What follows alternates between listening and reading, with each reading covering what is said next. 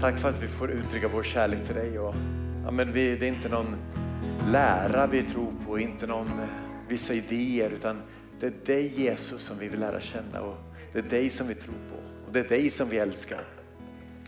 Och tack Jesus för att du älskar oss och du har älskat oss först. Tack. Amen. Varsågoda och sitt ner.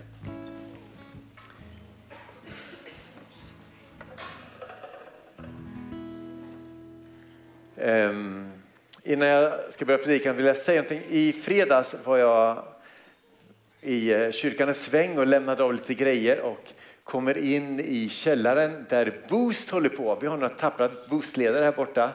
Um, de hade, det var tårttävling och det var ju väldigt mycket grädde och annat gott. Ehm, och inser bara att men vilket gäng, det är uppemot 30 barn som går på Boost och som kommer dit. Det är fantastiskt roligt. Och de är i den här excelåldern, från eh, 9 till 12, årskurs 3 till årskurs 6. Och, ehm, och vi pratar ibland, Elias som är, som är med och drar där, vi pratar ibland men hur ska vi kunna få fler att förstå, att vilja komma dit och vara med och bära som ledare. Så att, funderar du på att du, om du vill ha någonting kul att göra, typ som att baka tårta och andra bra grejer varannan fredag, så är buss någonting att vara med på. Ehm, man behöver inte vara själv tonåring för att eh, liksom vara ledare utan det finns behov att finnas med även bland lite äldre. Så att prata med mig eller prata med Elias. Elias ställde upp så man ser dig.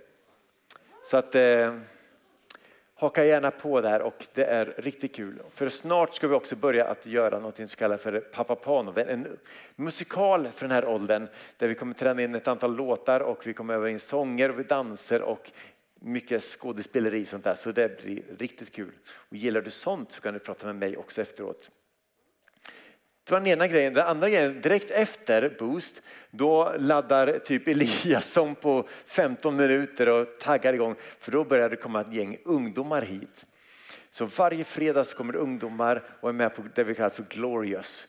Och det är riktigt kul. Ni hade en så god stämning. Jag tror att alla var kvar till sista man i fredags.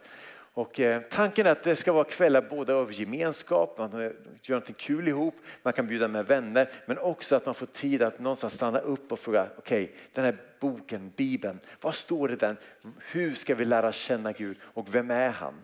Så att vill du vara med på fredagar tillsammans med ungdomarna så vi behöver dig också. Precis som ekonomi som säger att det här gör vi tillsammans så är det också med vår, allt det andra vi gör att det får vi göra tillsammans. Vi får stå tillsammans i det. Så känner du att ja, det här, jag vill testa, jag vill komma någon fredag och vara med ungdomarna. Så prata med Elias om det. Så. Bra. Ehm, jag vet inte om du någon gång har öppnat upp Bibeln och så känns det som att man får lite så dubbla budskap. Nej, Ena stunden så fylls Jesus av medlidande, han, liksom, han omfamnar och han finns där och han lyfter barn och gullar. Och nästa stund så gör han en piska och driver ut de som handlar och köper i templet. Jag kan tycka, är det samma person? Jag hörde att han kramade barn nyss, nu är han där. Eller så ena stunden så kommer, han, eh, kommer en rik yngling och så säger han så här, vad ska jag göra för att få evigt liv? Du måste sälja allt du äger och har och ge till de fattiga. Sen. Och sen kommer en rövare och frågar, vad ska jag göra? Äh, det är lugnt, du får vara med mig redan idag i paradiset. Dubbla budskap. Har ni hängt med i de här tankarna ibland? Och när man öppnar Bibeln så är det ibland inte helt lätt alltid att få ihop Gud. Och är du som jag som vill, så vill man få Gud att gå ihop. Det vill man. Man vill förstå hur han tänker. Hur, hur tänker han nu? Varför gör han så här? Och ibland så frestas i alla fall jag att stoppa ner Gud i en låda, i en begriplig låda där jag kan förstå hur han är så att han är, håller sig på sin plats och uppför sig så som jag tror och har tänkt ut att han ska.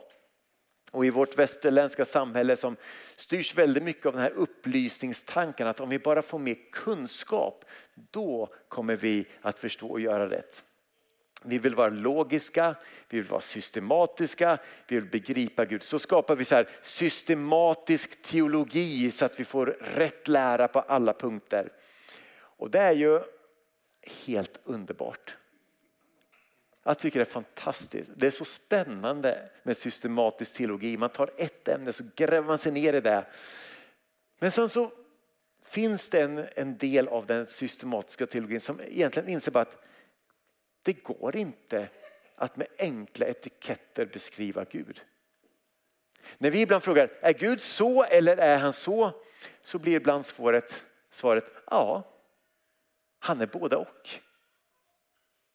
Och där ska vi gräva ner i under ett antal veckor. För att man kan ju tycka då att Ja, men ett exempel är ju när fariseerna som hade, liksom, de hade tänkt ut Gud, de hade ritat in Gud i en låda. De tänkte att Gud är helig, alltså han skild från all smuts och all synd. Och om vi ska bli heliga då måste vi göra likadant. Så då tänkte man att då ska vi inte umgås med de sjuka, vi ska inte umgås med de som tänker fel, de som tror fel. Vi måste hålla oss undan och så är man en god Guds tjänare. Och sen kommer Jesus som alla förstod att han har med Gud att göra. Han gör sådana tecken och sådana under så att Gud måste bara vara med honom. Men i nästa stund så frågar han tullindrivarna, får jag komma hem och äta hemma hos er? Och fariséerna gick i taket. Det här går inte ihop. Om han är helig, om han nu har med Gud att göra, då måste han ju hålla sig borta från dem. Men det gjorde inte Jesus. Och de hade svårt att få ihop hurdan Jesus var och det var ett av deras stora problem. De kunde inte sätta ner Jesus i en låda och säga så här dan är han. För det visade sig så ofta att han var både och. Och den logiska slutsatsen är ibland då att det går inte att kategorisera Gud allt för enkelt med etiketter. Är, är Gud allsmäktig? Har han all makt i himlen och på jorden? Eller är han begränsad så att det finns saker som han inte kan göra? Ja, både och. Är han kärlek eller kan han bli vred och arg? Ja, både och. Är han en domare som kommer att döma rättvist? Du har gjort det, du har gjort det. Är han en domare? Eller är han förlåtande och kärleksfull? Ja, han är både och. Och det här ibland skapar problem hos oss därför att vi, vi, vi läser och så då har vi ibland gjort den dumheten att tänka att amen, Gud är på ett sätt i gamla testamentet och han är annorlunda i nya. Men det är han inte. Det är samma Gud rakt igenom från skapelsens morgon. Han är samma och han har inte ändrat sig. Och vårt sätt att tänka eh, kan ibland leda till att vi behandlar att vi tänker likadant om människor. Vi har lätt att ta en människa och så ser man att okej okay, det är en sån. Eller hon är sån och han är sån. Och sen så kategoriserar vi människor. Jag vet att ingen här inne gör det. Men jag har hört om människor som gör det. Att man, man tittar på, ja men det är de som tänker sådär, det, det är de. Och sen är det de där. Där, där borta har vi de som röstar fel och där är de som röstar rätt. Där har vi klimatbovarna och där har vi de som värnar om miljön. Och så kategoriserar vi varandra och sen drar vi skarpa gränser däremellan och säger att ja, men de där, de vill jag inte vara med, men de här, de vill jag vara med. Och det här smyger sig även liksom in i våra kyrkor. Där har vi de som är heliga och där har vi de som är syndare. Där har vi de teologiskt rättrogna och där har vi de liberalt ljumma. Och sen så drar man isär dem och säger att usch, men jag har upptäckt en sak att ju äldre man blir, nu har jag passerat 50 och jag är både pappa till fem barn och morfar och farfar. Ehm, och jag, jag har insett en sak att någonting med åren händer med en. Jag har mycket svårare att kategorisera folk på det sättet. Därför att jag efter att ha samtalat och funnits bland människor länge så att inser att ja, men vi är alla lite trasiga och lite hela. Vi är alla lyckade och misslyckade. Vi har alla behov av att få förlåtelse och vi har alla behov av att, ja, men vi, vi är så mycket både och vi också. Är det någon som känner igen sig i det? Ja. Vi har härliga längtan för att möta Gud och sen så har vi en sån längtan efter att få göra det där som vi vet är fel. Och det här blir sådana krockar i oss och vi känner att vi är både och men vi tycker inte att det riktigt alltid är bra. Och vi är både och oftast på grund av vår brustenhet och vår synd. Men när Gud är både och så är det inte på grund av brister utan snarare på grund av att han är så stor. Att han klarar av det. Att när vi kan inte stoppa ner Gud i vår låda och säga att han är så utan Gud säger att vet ni vad, jag är större än vad du tänker. Och när man läser Bibeln så och gör det om och om igen och man läser igenom och syns som att mer och mer så, okej okay, Gud, jag förstår, jag lär känna dig mer. Men jag förstår dig nästan inte mer. Därför att det finns så mycket som Gud gör att, aha Gud, du tänkte så här. Och det här är någonting som vi tänkte att vi ska få dyka ner under ett antal veckor tillsammans. Om två veckor, så, eller om en vecka kommer det handla om rik eller fattig eller båda och. Vi kommer tala om eh, att är Gud nåd eller är han sån där sanningspolis som är ute efter med batongen att få ordning och reda? Och vi kommer tala om ett antal sådana här saker som jag tror kommer hjälpa oss att förstå att dels hurdan en Gud är men samtidigt att det inte är så lätt att stoppa ner honom i en låda. Vi kommer ur en serie när vi talat om att resa lätt.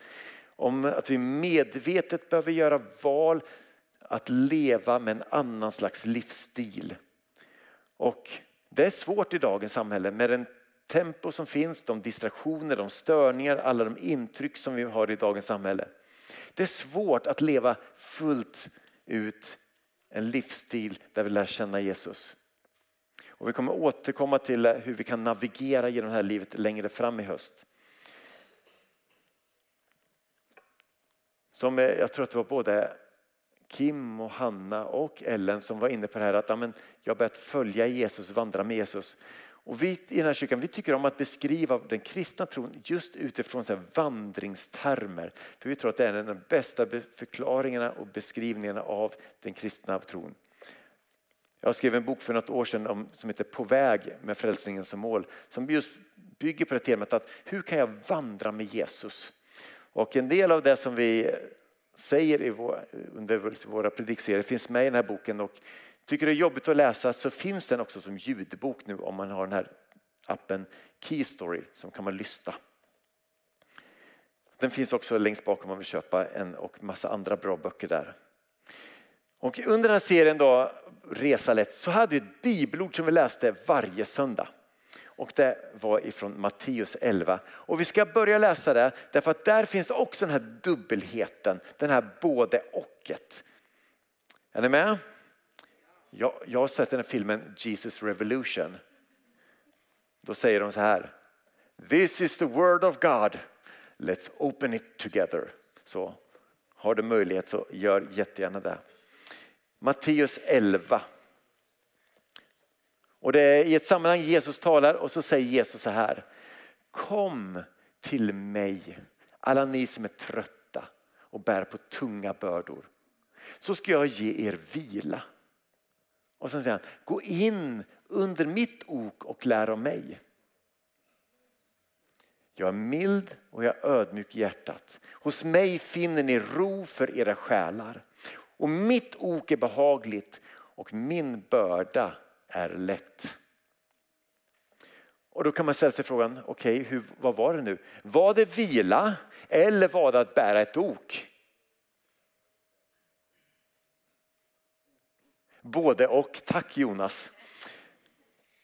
Är det någonting som, vi liksom, som Gud gör med oss av nåd för att han älskar oss eller någonting som vi ska, eller hänger på våra hjärnor, någonting vi ska göra? Ja men det är både och och det ska vi gå in på idag. Det här är ett av Guds många både och. Och för att förstå det här behöver vi ändå se vad, vad är den grunden, vad är det grundläggande för den kristna tron. De flesta religioner, vi har många i den här kyrkan som har kommit ur islam, som har kommit från, flyttat hit från både Afghanistan och från Iran och en del andra muslimländer. Man har kommit hit, man har levt i, under en religion och så kommer man hit och så har man fått lära känna Jesus och de inser att Jesus är så annorlunda. Religion säger att om du gör så här, då kan du nå den nivå där du blir godkänd av Gud. Så det gäller att prestera, att, att göra mer goda gärningar än onda gärningar. Då kanske Gud godkänner mig. Men så kommer man till den kristna tron som, är, som inte går att beskriva utifrån de här religionstermerna. En religion bygger på vad man tror och vad jag behöver göra. Men Bibeln bygger så mycket mer på vad han har gjort. Det handlar mycket mer, istället för att vad ska jag göra och vad ska jag tro på, så handlar det om att vem får jag lära känna? Hur får jag en relation? Att jag kan få en relation med universums skapare och Herre. Det är, det är galet. Det är så stort. Och Bibeln är egentligen den långa berättelsen om hur Gud söker efter oss och hur han vinner oss tillbaka till att få lära känna oss på nytt.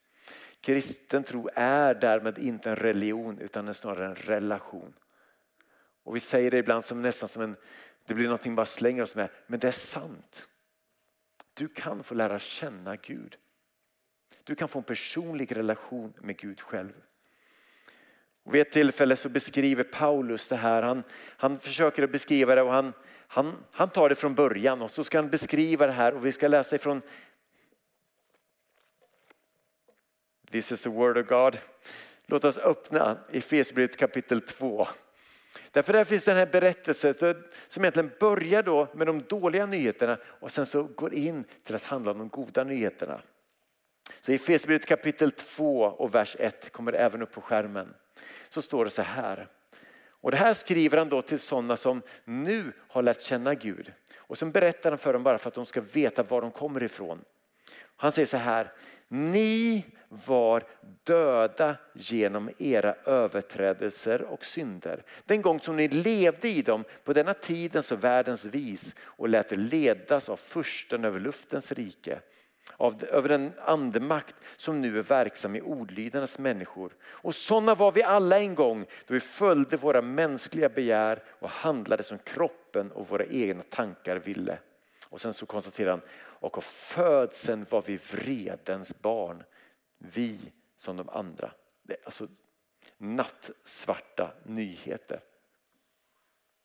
Men det är sann. jag var där innan jag fick lära känna Jesus så var jag förlorad.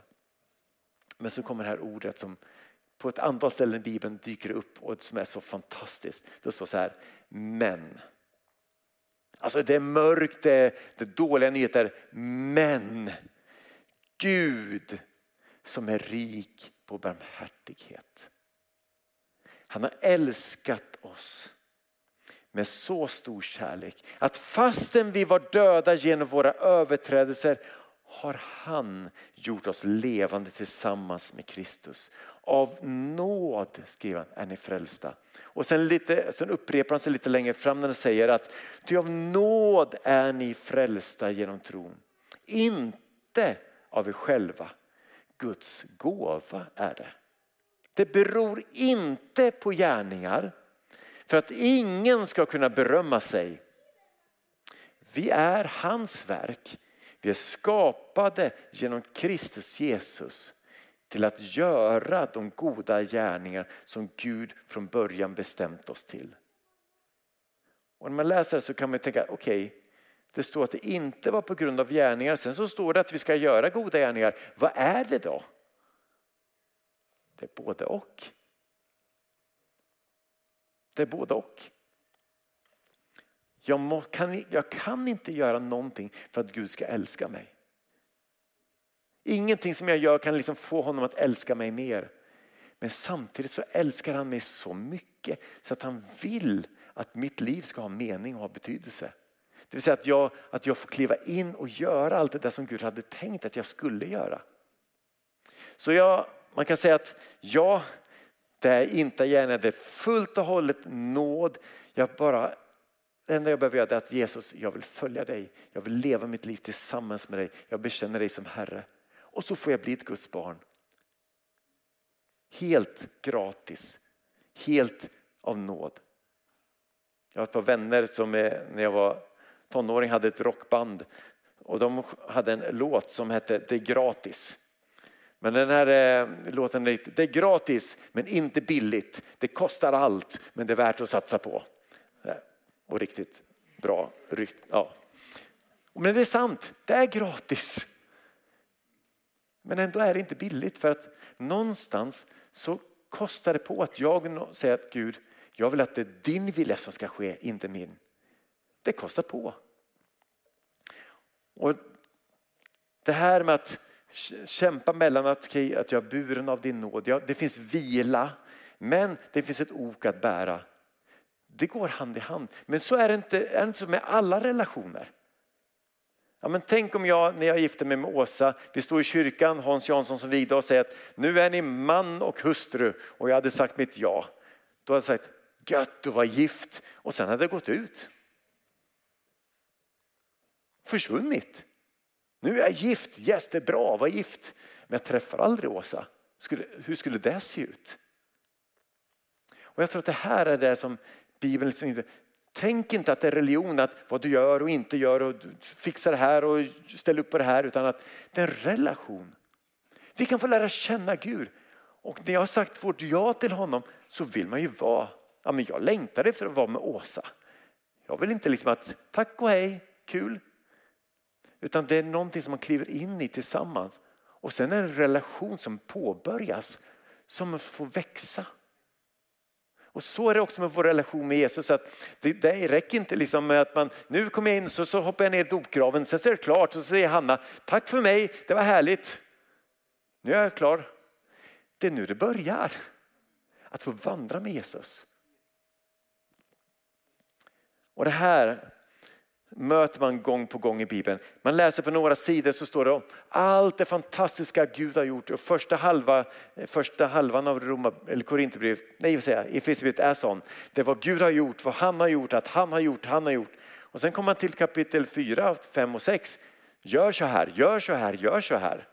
Man kan tycka, man blir lite så här, men det är ett både och. Precis som i alla relationer så är det ett både och. Jag älskar min fru, hon älskar mig. Men som ett, för att det ska fungera så måste jag investera. Jag måste ge tid, jag måste investera i vår relation. Och då kan man säga att finns det någonting jag måste göra som gift? Ja, måste och måste. Måste jag köpa blommor när, när vi har så här bröllopsdag? Nej, måste, måste inte, men det är väl bra om man gör det. Och jag tror att det är precis så här, den kristna tron är inte en religion. Det vill säga en uppsättning av sanningar vi ska tro på som vi kallar teologi. Eller en viss uppsättning av beteenden som vi kallar etik. Kristen tro förstår vi bäst. Inte då vi talar om vad vi ska tro på och vad vi ska göra utan vem det är vi får tro på. Vem det är vi får lära känna. Och för en del som varit kristna länge så vet jag att det här är lite förvirrande. För att en del har trott på Jesus länge men när de tittar sig själva i spegeln kan de känna att jag tror ju att det är sant men känner jag Jesus? Och tvekar där. För att man har inte jag har inte riktigt lärt känna honom. Jag tror på honom, jag vet att det är sant och jag har ju sagt de här sakerna och jag gör ju det här och jag försöker ju läsa Bibeln och jag vill öka på min kunskap. Men känner jag Jesus? Och faktiskt har jag mött så många i våra kyrkor, inte bara här men som uttrycker ungefär att ja, jag tror på det här. Men om jag umgås och känner Jesus, det vet jag inte. Och här vill Gud öppna famnen för oss. Att få komma in i en gemenskap med honom. Och I Johannes 15 så är han inne på det här. Han hade vandrat i tre år med sina lärjungar. Han hade satt dem nere framåt slutet, så han hade satt ner dem i, i en, jag tänker att det var en typ lägereld tänder brasan fram med marshmallows och sen sitter han där och sen pratar han med sina lärjungar och sen säger att hörni, jag är som en vinstock. Om ni förblir i mig, om ni blir kvar i mig så kommer ni bära frukt. Han säger så här, bli kvar i mig så blir jag kvar i er. Liksom grenen inte kan bära frukt av sig själv om den inte sitter kvar i vinstocken kan inte ni heller göra det om ni inte blir kvar i mig. Jag är den här vinstocken, ni är grenarna. Men om någon är kvar i mig och jag i honom så bär han rik frukt. Utan mig kan ni ingenting göra. Och jag skulle vilja säga tre saker nu lite snabbt. Vad det innebär att vara en kristen. Som har med både den här dubbelheten att ja det är nåd och det är gärningar. Så ni får hänga med. Det första jag vill säga och för alla från persiska gruppen igår, ni kommer ihåg det här. Det första är att vara med Jesus. Det är vår första kallelse, att vara med Jesus. Förra serien var vi inne på en hel del att hur kan vi göra val där vi kan välja att vara med Jesus. Hur jag hanterar mina pengar, hur jag hanterar min tid, min mobil och andra saker för att ge utrymme för Gud att finnas i mitt liv. Och vi behöver inte göra det här för att förtjäna Guds kärlek men vi vill göra det utifrån att vi lärt känna hans kärlek. Om någon är kvar i mig och jag i honom bär han rik frukt. Och jag tror att lärjungarna måste funderat så här att okej, okay, du har vandrat med oss i tre år. Du säger att du ska lämna oss och att du inte längre ska vara här ibland oss. Och sen säger att vi ska vara med dig. Hur då? Och sen, jo, jag ska ge er den helige ande. Han ska vara i er. Okej, okay, men hur ser vi vart anden går då? Dig kunde vi följa. Vi gick ju med dig till Kafarnaum och sen gick vi till Nasaret. Och det var ju lätt att vara med dig för vi såg ju dig, vi kunde följa efter dig. Så att men, den heliga ande som ska bo i er, han vill hjälpa er. Han vill undervisa er. Och han kommer att finnas där för er. Så frågan är, hur gör vi då? Hur är vi med Jesus? Det är en stor fråga och vi kommer återkomma till den längre fram. Men jag vill bara säga någonting att det finns en hel del av de här sakerna som att hålla fast Jesus som kräver ett visst arbete. Han älskar oss, absolut. Men för att få förbli honom så behöver jag faktiskt ta tid för honom.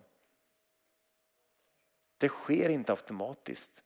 Dopet är inte knappen, nu sätts allting igång, nu är det klart. Det är starten på en vandring tillsammans med honom. Att hålla fast vid honom ligger på mig. Men han håller samtidigt fast vid mig. Jag hörde ett citat som var så bra. Han sa här, en person som sa utan honom kan vi ingenting göra. Men utan oss vill han ingenting göra. Och kristen tro är som alla relationer, det är både och. Att, att vi får förbli honom. Jag får investera men jag får också tillbaks. Jag får ge kärlek, jag får ta emot kärlek. Jag får prata och jag får lyssna. Och den relationen har vi med den heliga ande. Och här kommer de här som kyrkan har tjatat om i 2000 år, de här andliga disciplinerna. Att vi behöver bönen, vi behöver fastan, vi behöver bibeln, vi behöver tystnad, vi behöver gemenskap och vi behöver vara generösa och gästvänliga. Sådana här andliga principer som hjälper mig att vara med Jesus.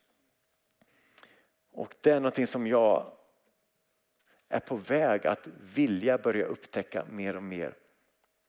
Det andra, förstå att vara med Jesus, det andra är att bli som Jesus. Jesus har ju sagt att om någon förblir i mig och jag i honom så bär han rik frukt. Och det här talet om frukt plockar Paulus upp sen och skriver i ett av sina brev till Galatien. Och då säger han så här att vad är det då för frukt som dyker upp? Jo, andens frukt, säger han, är kärlek, glädje, frid, tålamod, vänlighet, godhet, trofasthet, ödmjukhet och självbehärskning. Mot sånt vänder sig inte lagen. De som tillhör Kristus Jesus har korsfäst sitt kött med alla dess lidelser och begär. Och om vi nu har andligt liv eller om vi har fått liv från anden, låt oss då marschera i takt med anden.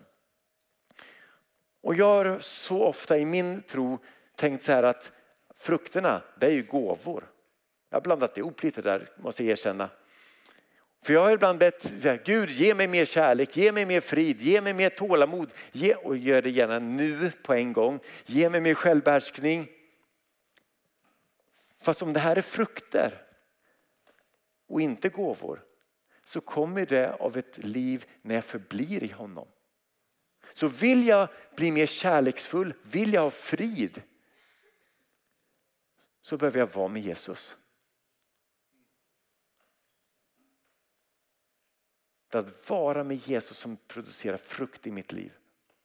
Och det sker automatiskt. Vi fick av Isak, vår son, han gav oss en, några chiliplanter i våras. En av dem är lite gul-orange. Och det var det, det starkaste jag någon gång i mitt liv har smakat på. Det brände och det hettade och det var helt... Jag tog en liten bit och flyttade runt på mitt tacobröd och sen slängde jag den. Ändå var det jättestarkt. Ehm, men den frukten har inte liksom att jag var ute och liksom drog i den och försökte få den att växa lite varje dag.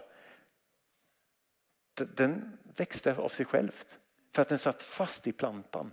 Och jag tänkte det är så Gud vill att det ska vara. Om vi förblir i honom, om jag tar tid med honom, jag ser till att hans liv får fylla mig, att jag får finnas hos honom, jag får vara tid med honom, be, läsa ordet. Om jag gör de här andliga disciplinerna, är i honom, så kommer det producera frukt.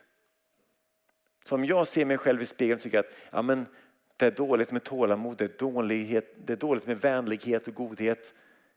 Då behöver jag kanske inte skärpa mig och ta mig i kragen och försöka bli mer kärleksfull. Då behöver jag säga Jesus, jag behöver vara mer med dig. För först att vara med Jesus, att bli som Jesus, det är frukten.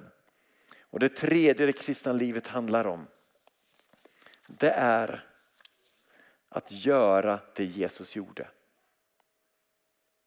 Då är det gärningar menar du? Nej, jag tror att det här är också en del av frukten. Det var inte så att när Jesus gick omkring här, han såg en, en sjuk och sen frågade han, okej okay, Gud, ah, nu måste jag ju bota för du har sagt åt mig att jag ska bota sjuka. Okej, okay, ja, fram med handen då så gör jag någonting. Så var det inte. Jesus botade sjuka utifrån att han var lik sin far.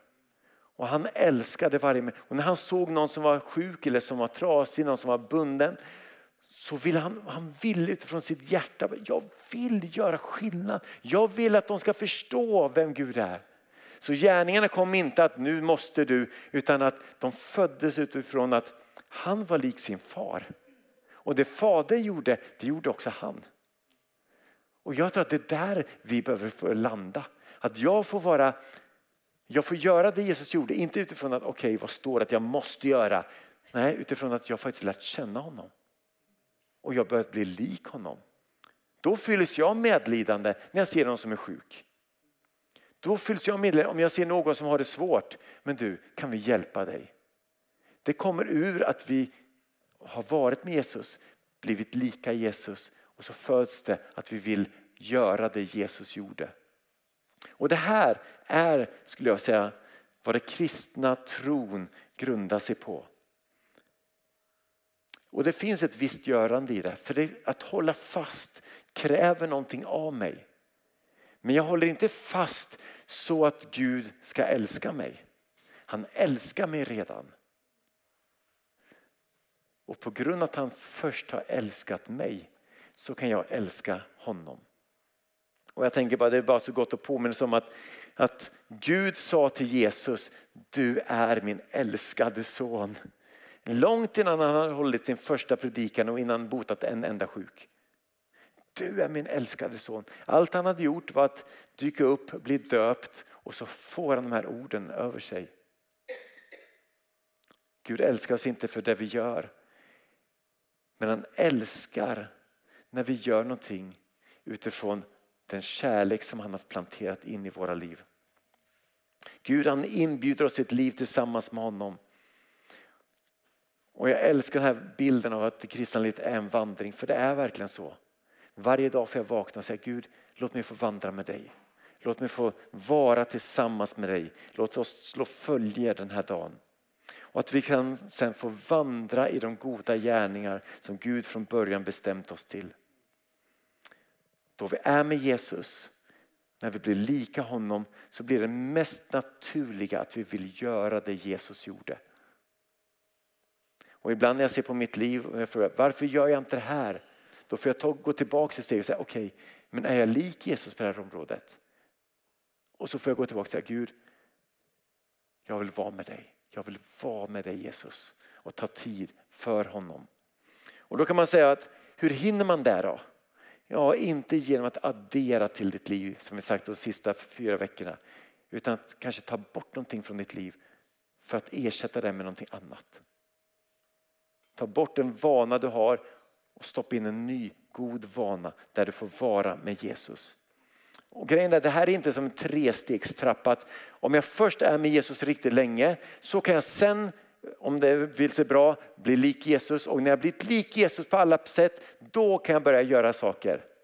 Det är mer som att man, om en höjs upp så höjs en annan upp och så kommer en tredje. Det får vara som en pall med tre ben, att man höjer upp de här benen sakta, sakta. Där det får någonting som växer fram i oss. Det är inte en checklista. Nu har jag varit med Jesus. Jesus nu får jag göra mig lik dig så att jag kan göra det du gjorde. Utan det är i en relation att formas med Jesus. Vi är Guds barn av nåd, inte på grund av oss själva. Vi är frälsta av nåd och med nåden som drivkraft kan vi få göra de goda gärningar som han har bestämt. Inte för att förtjäna Guds kärlek utan för att vi har lärt känna Guds kärlek. Och jag vill fråga dig, och du får ställa den frågan till dig själv. Var är du i din relation med Jesus? Är du med Jesus? Eller är han långt bort?